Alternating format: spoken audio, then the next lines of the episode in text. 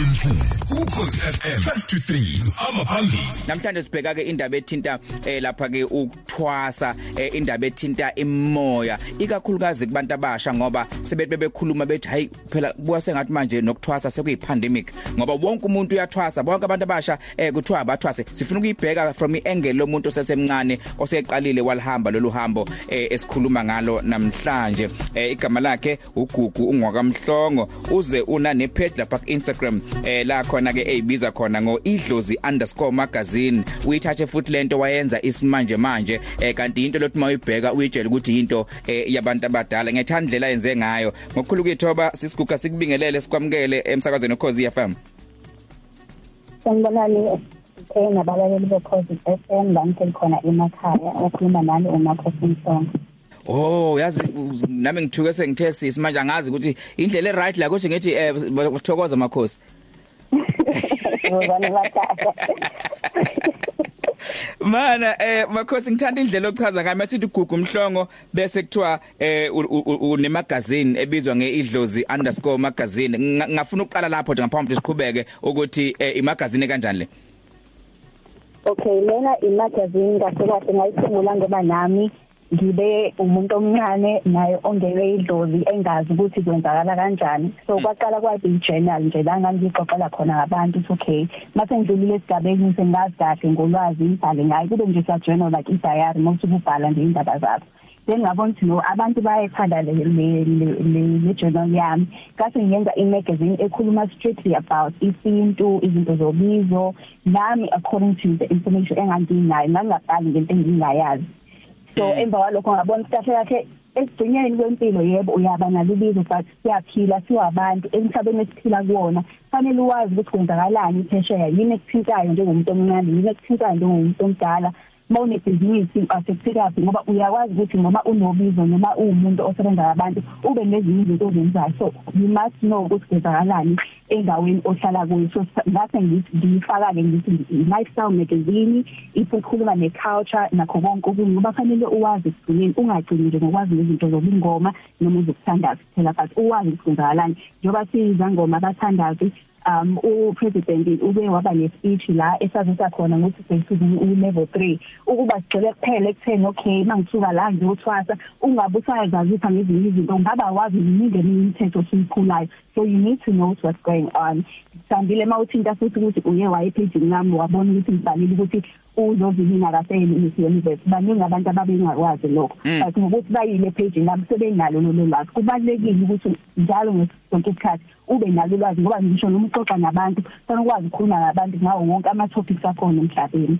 Alright ngiyayithanda ke manje njalo eh eh dadewethu kodwa bengisafisa ukuqhubeka ngene eh siyakhala kodwa ngoline angazi noma indlela omngayo yini la ukhona eh noma mhlambe siushintshe thina la ngaphakathi kodwa kuzwela sengathi unokuhlohloza nje kancane eh singakwazi mhlambe ukuthi sithi awuthi ushintshe iposition mhlambe indlela omngayo uthi ukuhlala eh ngifake ama earphone angikho sure noma ngwakhibe or alright angikho sure. Ay mhlamba ke siwakhiphe sikuzame eh ungafakile ama earphone sibone ukuthi eh kuzoba njani. Eh ngompela cha. Manje ngakhiphile uswakhiphile akubuka ngathi ungconywana kakhulu manje kubuka ngathi ungconywana kakhulu. So dadewethu ngiyayithanda ke le magazine nokuthi ukuthi uyisangoma kumbe eh, umthandazi akusho ukuthi zivalele wena wedwa uphile kwakho umhlaba. Thola indlela yokuthi nawe uxhumane nabantu eh, wasuba nale magazine so besibuyele futhi kuwena ngokuhamba kwesikhathi. Mhlawumbe kwamanje siyafisa ukuthi u- u- ukusitshele ngolwakho uhambo ngoba kunabantu abakhalayo kunezinto abayibona njengeempawu ezenzakalayo empilweni yabo ukuthi kukhona into ekhona eqhubekayo angabe siphiwa ngabe yini abanye bakhuluma ngamaphupho mhlambe wena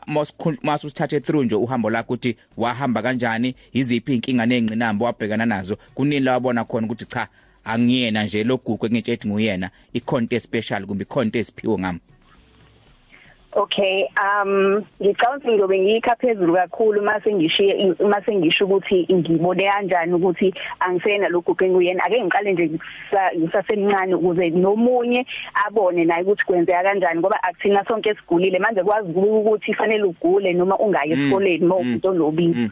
so mangabe umuntu onobizo nje ubashaye uba namahloni kakhulu wanje awubi kahle kahle nenhlanhla nasothandweni nakho konke nasesikoleni uyabona ukuthi ayimisela kuwe kuyo yonke into oyenzayo noma uapplyela amabhasari ngaw-applyela uthothi ekugcineni usu-applyile kumele ube khona nje into enqabayo. Uyaba nenhlanhla but le nhlanhla le iyancikisela. Leyo nhlanhla le isubonisa ukuthi kahle kahle khona into eshodayo ukuze uyizuze le nhlanhla. Uyabona? So then when you realize ukuthi okay kahle kahle lento iyini kusuke sekushabalele konke sekuphelile. Asike sithi mhlambe nje usomabhizinisi singalinganisa njenganami ngoba nami nganginebhizinisi kuvele kuphele konke kanye kanye. Uyithola usesimeni la sekufanele uphindele khona ekhaya ubampintshe. Abasazi nabo ukuthi bazokuhlalisa kanjani. Sekuphele konke awunayo nawe incaze Eh dadwethu angazi ngathi ngathi uyanqamuka ke futhi manje. Hello?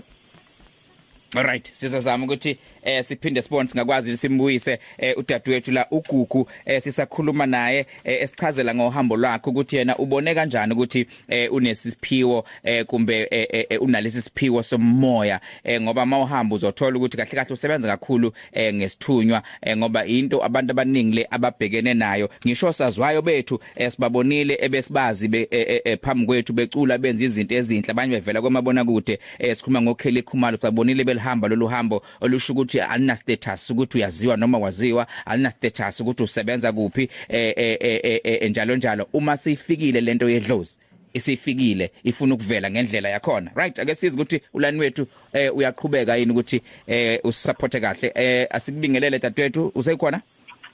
Sengikhona futhi. Hayi sixolise kubalaleli kuye kwathi nje hici kancane. Cawathi isimo semoya singavumi kahle. Uthe ukuphahla kodwa emtsami ngaphambi ukuthi sisize kule oh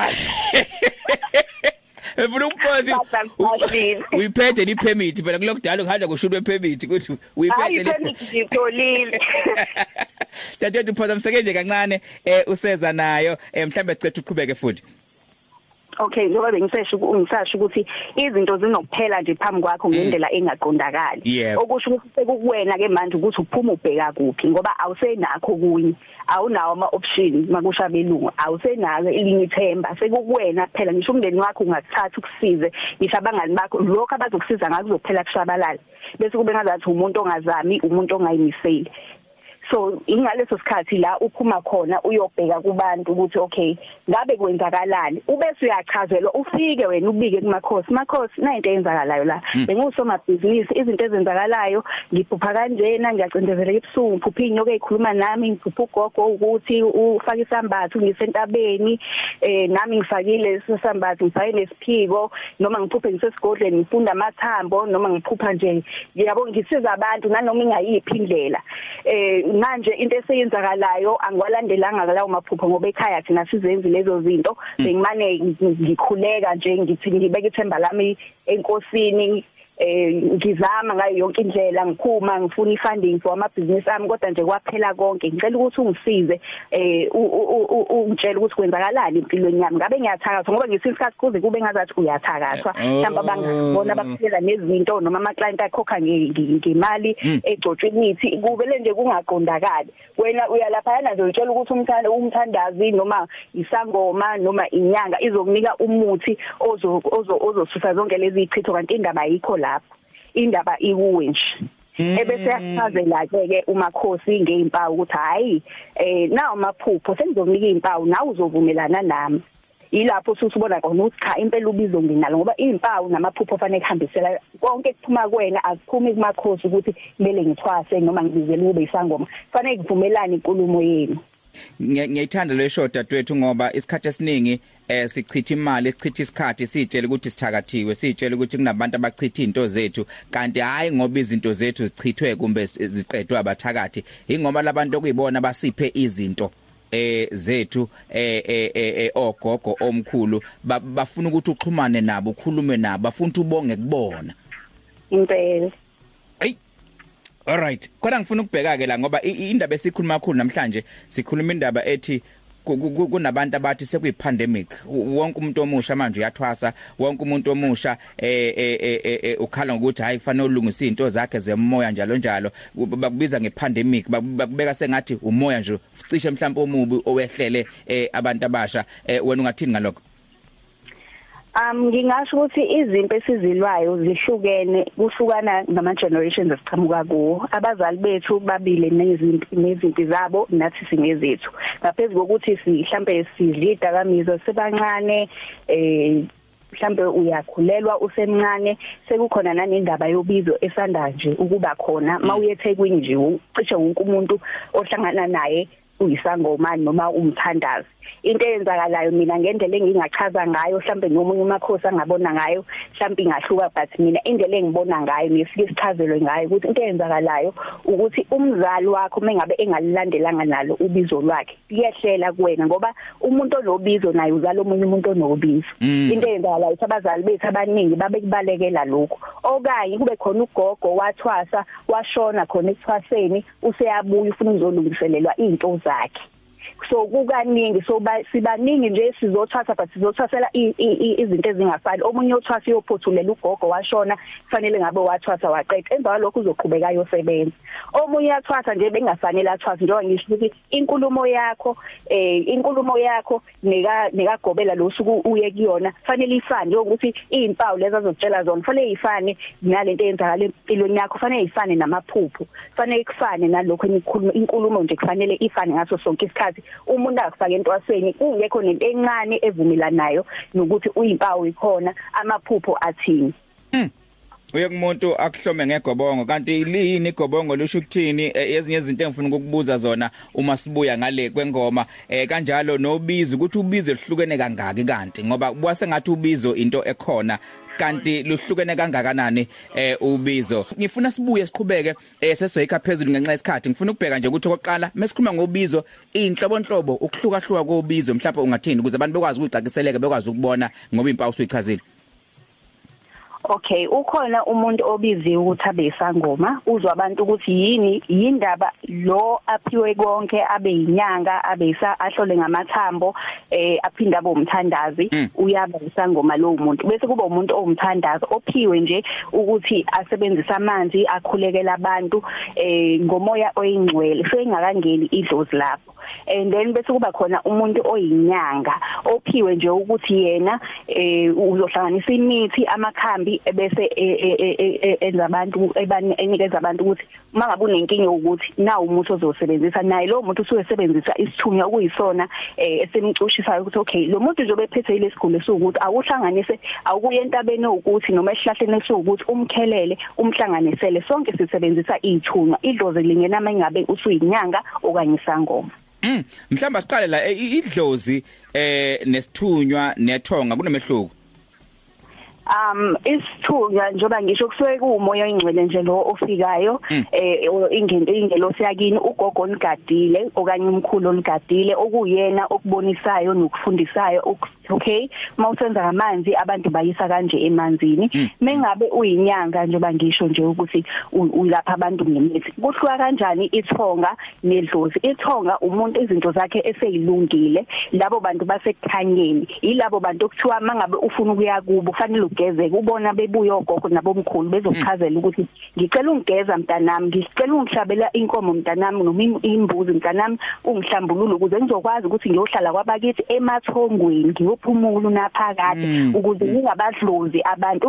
Ukudloza uyigama lethi idloza liqhama from ukuthi idlozi liyadloza lifika lizoshukumisa izinto zakho libhekise phansi lekubambe ngedlozana ube siyalungisela izinto ebese liyahamba. Njengoba ngichazile ukuthi unogogo oshonayo ngesikhathi sentwasweni abuya ze kuwe hayi ngoba efuna ukuthi ube isangoma cha ufuna ukuthi yomthwasela umqedela leya process. Uqedileke ube siyaqhubeka nempilo yakho. Hey! Alright eh dadethu azume in manje zuma in igobongo manje ngoba eh igobongo eh uyahamba uyakubantu bakutshela ngegobongo kumele udle igobongo igobongo lokuzalwa embethe igobongo lokuthi hayi mawudlalela igobongo zokhuphuka izinto zakho. Lisho ukuthini igobongo? Abanye abagcine sebethwasa kanti akufanele bethwasa nje bathi uchaza nje kwehluka hluka eh eh ekobizo Okay igobongo mawusulidla kagobela usudla usudla esekufakele amandiki namandawu nebovu usuke sekuthwasisa lo muntu. Usuke nje usuzoba isangoma kuya kuwena ukuthi uyabona yini ukuthi lento ayenza ihambiselana yini nalento abantu bakini abakukhombisa yona. Mm. bese kuba khona ukuthi akwenze lekhaya kini la mathongo akhona akini noma idlozi lele lingibethe lizofika khona nawe mathupha likhombe ukuthi cha wena mntanami hayi ngoba unobizo. Ngicela ulungise into 1 2 ubese uyaqhubeka nempilo yami. Ngihlabela imbuzi ungibonisa ukuthi uya uyangibona ukuthi ngikhona empilweni yakho inhlanhla ezikhona ngizoyidedela yimi oyiphethe. Ubese ugqoka isiphanda o- u- uyafaka esibongweni sakini ulungise lo ofuna ukuthi ukulungise. Okanye hamba uye kamakhosi thizeni uyomcela ukuthi akuphakamisele isithunywa bese uyasebenza nangomsebenzi ngiyakupha. So lo muntu usekwenzela ukuthi njengoba ususekhaya ithongo likhulume nawe. Ay So lento yokufika nje kancancane uthothi ufika kumuntu ethi umuntu akumele uthwase. Ufika kumuntu uthwathe ethi uyathwasa ufika kumuntu uthwathe ethi uyathwasa so kufanele kube nendlela nokucacisisa no no no no- nokuhlolisisisa ukuthi ngampela ngampela eh kufanele yini ngithwase ngoba kudala kuthi umuntu wawukade befika bona ebusuku bekutshele bekukhombise ngisho umuzo omele kuwona. Impela nami ngakhonjiswa la kwakufanele ukuthi ngiye khona ngiyophakamisa but akusiwo wonke umuntu okhonjiswayo. Ngesikhathi noma usukhonjisiwe ukuthi okay unobizo kanje hamba na uyifundela umuntu omzwayo mayikhuluma ukuthi okay na into ayikhulumayo ubese uyaphahla ucele kwabakini ukuthi bakuvulela indlela. Mangabe kuvuma ukuthi naye unawo amandla ukuthi akusize ebese uyahamba uyakuyena Okay mhlamba ke sikhulume ngakho nje ukuphahla eh ukuthi ngoba ngiyakhumbula sike sayikhuluma indaba ethi into ukuphahla ukuthi masithi ukuphahla suke senzani nokuthi eh mawuphahla uphahla kanjani sesiyafisa ukuzwa uma uphahla ukuthi how do you phahla How do you pass? Okay, this is how you pass. okay. Uphahla usuke kahle kahle ukhuluma nogogo nabomkhulu basondeza bonke eduzane. Uyabona? Ucele kulabo abakuphethe nabo laba abakuphethe beyocela kulaba ababaphethe nabo ababathumelayo ababathumelayo ukuthi babe yithunya phezulu kwempilo yakho. So uma ngabe uphahla usuku wenza kanjani? Njengoba usuku uyakini nje uphethe igrosa uphethe izinto ezimnandi yobingelelo gogo uyokhothwa idlozi khona. Nase noma uphahla uyabeka khona leso lo tshwala lo besulu noma lo kwakuthandwa ogogo nabomkhulu lemonade o sweet mengabe awunakho uyaphahla nje futhi nangeglasi yamanzi usho ukuthi awunakho uyafisa ukuthi ube nakho. Nakho kokwenzayo mawuphahla. Mengabe uphahla uyabeka ikhandela eliyelo eliblue elimhlophe ubeka isinafu esasithandwa wogogo ubeka ubox okuthandwa womkhulu. Mangabe ungenawo lawo mandla ubeka isinafu kuphela ubeka iglasi yamanzi so uyashisa nempepho. Before ukwenze lokho uyakhuleka ucela kuNkulunkulu benqango wasidala sonke ukuthi ucela ukukhuluma nogogo nabomkhulu eh ngoba uyena wasidala sonke. Hayi ukuthi siwe sikhonza amadlozi cha sisuke sikhuluma nje nawo njengoba sesikhuluma nabazali bethu. So mawusuphahla kuseyaphahla usuyacela ubeka isandla phezulu kwesinye uyacela konke lokho okucelayo uyasho ukuthi gogo nabomkhulu angiphikisi lutho ngiyavuma konke eningitshela kona ngile kuma kumakhosi umhlongo okanye umakhosi kuphi nendawo. Nakha ngitshele kona impela kuyavumelana inkulumo inkulumo yethu namaphupho nezinto ezenzakalayo. Sengicela ukuthi ningikhombe indlela. Mangabe kufanele ngiyodla igobongo kumakhosi njengoba esho ngicela nivume nibe nezimpawu ningibonisa zona. Ningihlakaniphise siphilise futhi ngoba la emhlabeni lesikhathi esiphila kusona kusafani nalesi saniphila kuso. eh abantu sebesebenzela imali kakhulu. So ngiyacela ukuthi noba ngiphahla nje ningikhumbule bogogo nabomkhulu nibuye nizongikhombisa ukuthi kahle kahle indlela yami engikhomba kuphi. Ukusukucela indlela. Ngiyayithanda ukuthi ngicela nje ngini yes ngiyayithanda ukuthi ningiphi ubuhlakani ngikwazi ukubona ngoba umuntu engavele ethutheleke nje ngoba naku sekuthiwa kuyathwaswa lapha sengiyakhona nami bethwasa abanye beze bekushiye lapho wena izinto zakho engahambi kahle ngoba uvele wahamba nje ungasayicelanga indlela kubantu abadala. Okuyibona bakunikeze lo msebenzi. Impela kunjalo. Hmm. Alright Khona mhlawumbe ngiyafisa ukubheka ukhulume ngamakhandlela eh ngiyazi ukuthi khona neziwasho zibaleke nganingi iziwasho and why amantombazane kuthiwa wona aphatha la lesi siwasho esiphinki eh khona kubaleka uhamba naso? Um isiwasho esiphinki I think isokubheka mina suke beyihlanganiseleke abantu imkhando yabo egcineni bese kuba pinki. Eh bayiqambela nje omakhosi o ah uthingo lenkosazana upinki isiwasho sogeli staff sogeli. Yabo nje bayiqambela so abapinki ngoba abantu abaningi mabekhanda isiwasho sothando siba pinki nekhandela elipinki nalo likhuluma ngothando. Mawukhulekela uthando umshado umendo you know uyisebe usebenza noma ufuna ukukhulekela ukuba nomntwana usebenzisa upink. Namakhandlela nawo anemibala yawo ukuthi achaze ukuthini. So upinki lo umele uthando nawo. Mm okay. Dadwethu mhlambe ke eh asiphethe ngokubheka nje ukuthi eh ulomuntu osebenza kanje ophiwe lesi siphiwo ngesikhathi la khona itechnology eh kuyiyona manje ethatha over izinto eziningi zenziwa ngawo ubuxhaxha betechnology. And sibonile ukuthi unomagazini laphana eh, okhuluma ngezinto ezahlukahlukene. Eh mhlawumbe ungathini ugqugquzela nje abanye abantu ukuthi nabo beyisebenzisa itechnology eh ukwazi ukuqhuba eh, lo msebenzi lo ophiwe? Um i think ukuthi technology okanye uchachacha ngigabelisa eh kufanele sisebenze ngendlela ukuthi sisize abantu hayi ukuthi sidlale ngabantu hayi ukuthi sibambe abantu imali zabo. Ziningi izangoma mbumbulu ziningi izangoma abantu abaya bathi banobizo abanye babalekile entwasweni abanye abakhuphulanga baqeda abanye baphamisana isithunya baze baqeda. Kuningi nje so ngiyacela ukuthi kogogo nabomkhulu indlondlo ezinkulu mavula kuvaliwe emakhaya la sikhona mengabe sisebenzisa i-internet sisebenzisa ukuthi sakhe omunye umuntu singadlali na ngoba sonke siyalazi lo hamba akekho umuntu akaba nobizo kwabamnandi. Ngisho ngabe kuthiwa uzaliwe kini uzalelwe ezangomeni nasenyangeni still khona ubunzima ozobhekana naso musa ukuthi ngaphezulu komzimba umuntu abhekane nabo ube sumthwesa nje ukuthi udlale ngaye ugange ngaye ngoba isithunywa somuntu awusazi. Okay. So ngiyacela ukuthi umuntu nomuntu uma ngabe uphi uthu lapha abantu ubalaphe ngeqiniso eh lokho okwaziyo ukhiphe epageini lakho ongakwazi ungakuthinti ngoba ila kwenzeka khona ukuthi abantu bese kudlaleka ngabo ngoba umuntu uyadidiseka ukuthi akasazi manje bese yaphazamiseka kule ndlela kade uzoyenza ngoba eselandela le yakho nawe nginalo ulwazi ngalo Okay eh mhlambe ngifuna nje ukubheka la abantu abafuna ukukuthinta uma ukuthi awunqene ngenamba ungayikhipha uma ukuthi ke usawuthi bazokufonela kakhulu eh ungasho ama page akhe enkundleni zokuxhumana ukuze bekwazi ukuxhumana nawe. Um umuntu ofisa ukungithinta ngikhona ku WhatsApp nenamba yocingo ethi 076 891 9950 okanye ungangithinta ku Instagram ipage lami lithi idlozi_magazine amagama amancane wonke. Dadwethu wena mawuphahla Hayi ngicela ngifonela wema. Wena uphahlela inhlakanipho. Angiqale ngokubonga bese ngibingelela BK kubalaleli bonke eh bohlelo lwakho olumnandi. Ukuwena kanjalo futhi nonomfundo eh lapho e studio.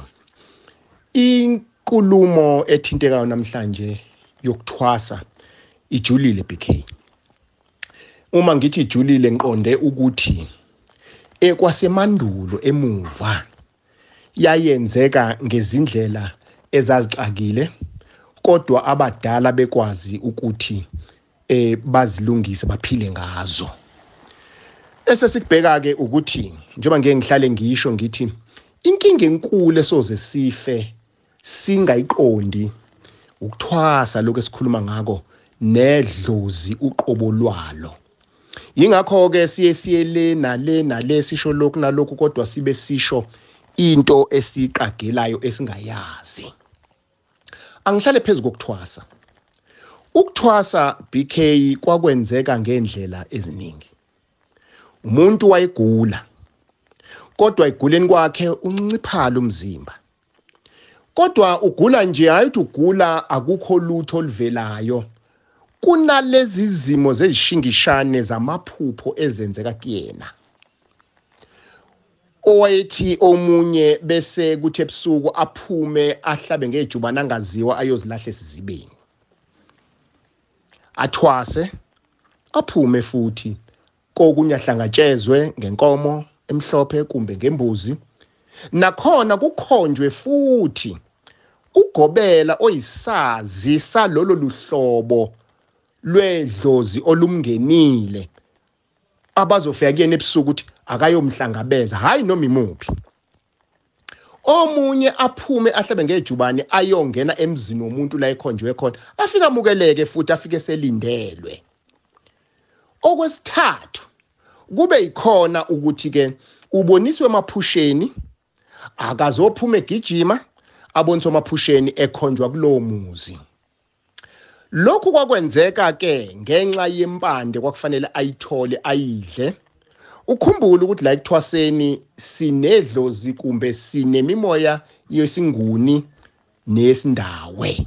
Yile nzima kakhulu ke eyomndawe ithongo lomndawo kumbe idlozi lomndawo engangakhuluma kabanzi ngalo eh, kwingone yomsamo. Babethwasaka abantu kube mnandi baphile. Ungizwe kahle ukugula kwakuhambisana namaphupho. Kwangekona ukugula nje lokho sekwenza namhlanje umuntu ngoba uyagula unenkinga hamba uthwase. Esihlezi phezulu kwakho ke namhlanje engxoxweni ukuthi sengathithi ukuthwasa lokhu sekufana nefashion sekufana nento esiyisifo noma ubani usiyathwasa. Anguphendula umbuzo BK okokuqala nje imimoya ifikela umuntu asuke ithathe ndawana thile. Imimoya ayiqhamuki emoyeni iqhamuka kodwa phakathi kukaba wakho noma kababa wakho uma kukhona owakubalekela lokhu emndenini kuyabuya kubuye ngothile. Uma kwakukhona kwathathwa kwenzeka kuhamba hambe kubuye futhi ngesizukulwane esithile uma ke manje lo muntu owayesebenze sebuya akakhethi ukuthi umuntu ubuya ungakanani. Uma ubuya ebuya emncane kula ke kwakufuneka khona lokho esithi intervention yabazali bamcelele ngembuzi emsamo ukuthi bamlinde umntwana. Uma sekhulile kwakuphahlwa futhi ukuthi mkhombiseni umntwana la impande ikhona. Yini ngicizele kumntwana ngoba kwakwehlela umntwana kwehlele nosekhulile osemdala. Namhlanje ke sesiphile esikhathini la sesebenza sesenza imisebenzi eminingi. Mhlawumbe ngiqale la uma uthwasa BK ungenwa umuntu kuya nokuthi ungenwa umuntu oyisima kanjani? Kunabantu abahamba ngezinyawo eh angagqoki isicathulo. Kunabantu eh abathanda ukuthi eh bagide. Kunabantu abahosicuthe kunabantu abaphatha amashoba. Kunabantu abangaphatha amashoba. Lokho kulawulwa umuntu owakungena kumbe abantu abakungena. Namhlanje sesiyesibukise ngokuthi ke sengathithi ukuthwasa sokwenziwa nama celebrity ngizowuphendula umbuzo. Ama celebrity uzothola ukuthi ungenwe umuntu owewunontanda kubukwa isalukazi kumbe ikhehla. Kumbe ikhehla lalishaya indlamu elaliyigagu licula ligida bese lizongena kuwena. Mase lingena namhlanje ngesinamhlanje sokwenziwa njani? Usuyi actor uthola ukuthi isalukazi osingenile isalukazi esasicula siyigagu. Namhlanje usuqhamuka usunjani? Sekune nimiculo namhlanje kuna kunama groups usuqhamuka usuba yigagu usiyaphumelela ngomculo. Okunyeke futhi BK nakho. Uthole ukuthi kulokho futhi uqala ngokuthi uhambe uyokwenza into ethile. Khona abantu elithi ithongo hamba uyofunda qala ubudokotela ube umhlengikazi ube uthisha uhambe futhi eh uyoba yiactor uyoba yonke into. Bakusa lapho ngenhloso ukuthi qala lapho siyoqeqeshwa bese sibuya ke sesizothwasa. Mawuthatha abantu engizobabiza ngamagama obhebi icele baqale lapho babuya bathwasa baphindela. Ngakho lo muntu uthwase ngoba kufanele kubuye lo wamuntu owayenza into ethile ukuze abuye azoyenza. Ngakho lokhu kuchaza ukuthi akuwona wonke umuntu othwasele ukuba nesigodlo sokwelapha. Khona umuntu othwasela nje ukuthi kubuye lo wamuntu oyukuthi nokuthi nokuthi. Uthola ukuthi uyi multimillionaire la lifuyile ikhehla libafazi bahlanu kodwa libuya namhlanje selibuya ngalezi yazi inkomo? Lezohlala uziphupha. Inkomo zanamhlanje sokuyini sokuyimali ube isigwili ube isicebi kanti waqala ngokuthwasa kuqala ngoba kwakufanele libuye liyakhehla libuye nomcebo walo libuye nomnotho walo. Ngakho ke asingasho ukuthi ukuthwasa sokukanombani engingakusho mina ukuthi siku into enza ukuthi sithi kanombani ingoba sokuthwasiswa yinoma ubani ngoba ukuthwasa sekunemali phakathi. Kodwa ngokweqiniso nje eliphelele abantu bathwasa ngendle kwakuthwaswa ngona naqala osekuhlukile manje ngokuthi sokujijelwa kunoma ubani osekuthiwa thwasa ukuthwasa osekufana nesifo ngingakuphika? Ngingakuphiki. Kumbe ngikuphike kumbe ngikuvume. Ngoba kunamaphuzu esengiwashilo. Yila sifanele sibheke khona. Ingane ezincane ezithwasile eziphumelelayo azibheke ukuthi ngithwasele ini? Yini lenginikwa yona? Yini lengiphathiswa yona? Thatha mina BK sengivalelisa. Ngaba uthisha ngaba umsakazi ngaye enkampanini ezinkulu ngafunda makhatheni bashaya but hamba ke manje uyokwenza lo msebenzi sengiyasazi sizathu engiyosixoxa ngilami babe ngidluliselani kuzona zonke lezi ndawo bese ngigcina ngokuthwasa ngoba ikona loku lezi indlela engidlule kuzona esezingiphumelelisa namhlanje angikholwa ukuthi ngiyichazile BK ngiyabonga kubalaleli Ukhozi FM 12 to 3 hamba phambili